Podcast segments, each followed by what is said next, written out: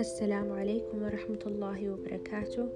أنا رغد السليماني طالبة إعلام تخصص علاقات عامة من جامعة أم القرى. أقدم في تغذية إعلامية موضوع اليوم مصداقية الإعلام. إن مدى الفائدة التي يمكن أن تجنيها الشعوب هي بمقدار مصداقية هذا الإعلام من ناحية الدقة في نقل الخبر والدقة في تحريره أو عدم تشويهه. أو تحريفه والحذف أو الزيادة أو النقصان أو عدم الإيضاح أو التحيز وعدم الحيادية سواء في الصحف والمجلات أو الإذاعة والتلفزيون.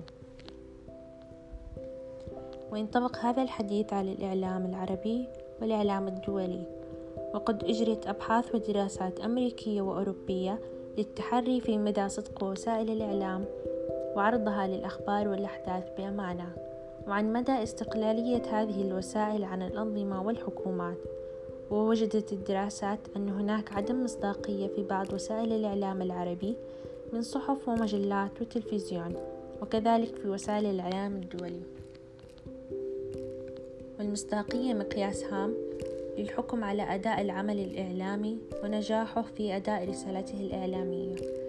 ولعل ظروفا هامة أثرت في مصداقية الإعلام العربي وقللت من هذه المصداقية وقللت الثقة فيه بسبب أن الصحافة نشأت في ظل الحركات الاستعمارية التركية الأوروبية وأن الإذاعات والتلفزيونات العربية نشأت نشأة حكومية وتحت سيطرة الحكومات والأنظمة العربية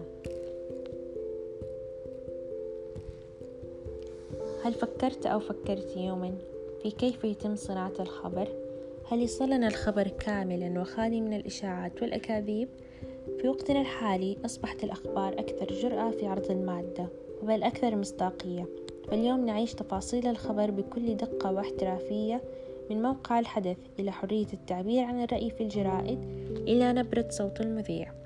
جميعهم يساهمون من أجل الحقيقة والمصداقية. لكن ماذا نقصد بالمصداقية؟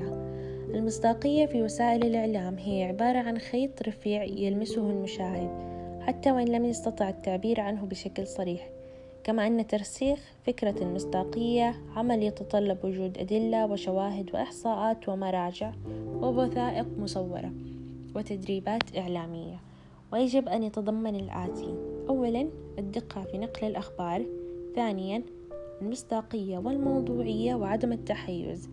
ثالثا التغطية الشاملة للأخبار. رابعا استقلالية الإعلام عن الاهتمامات والمصالح الخاصة واستقلاليته أيضا عن المؤسسات والمنظمات الأخرى. كثيرا ما نتلقى الخبر ولكنه غير صحيح ويكون من الشائعات. فالشائعات تأثيره على الخبر الإعلامي مهم. حيث ينبغي على محرر الخبر تحري المصداقية عند رصد الخبر. من خلال أخذ الخبر من مصدر موثوق وتجنب الأخبار المغلوطة حيث يكثر في وقتنا الراهن الأخبار التي لا صحة لها. لذا يجب أن نرجع لمصدر الخبر الأساسي لتكون المعلومة التي بحوزتنا صحيحة مئة بالمئة بعيدة كل البعد عن ما هو غير صحيح. ولتجنب الوقوع في العقوبات المترتبة. على ذلك لنشر ما هو غير صحيح. ولكن كيف يمكننا معرفة الخبر الموثوق والإشاعات؟ الإجابة بسيطة جدا. نأخذه من مصدر موثوق مثل وكالة الأنباء السعودية أو من القنوات السعودية. والآن نحن في عصر التكنولوجيا وعصر الإعلام الجديد.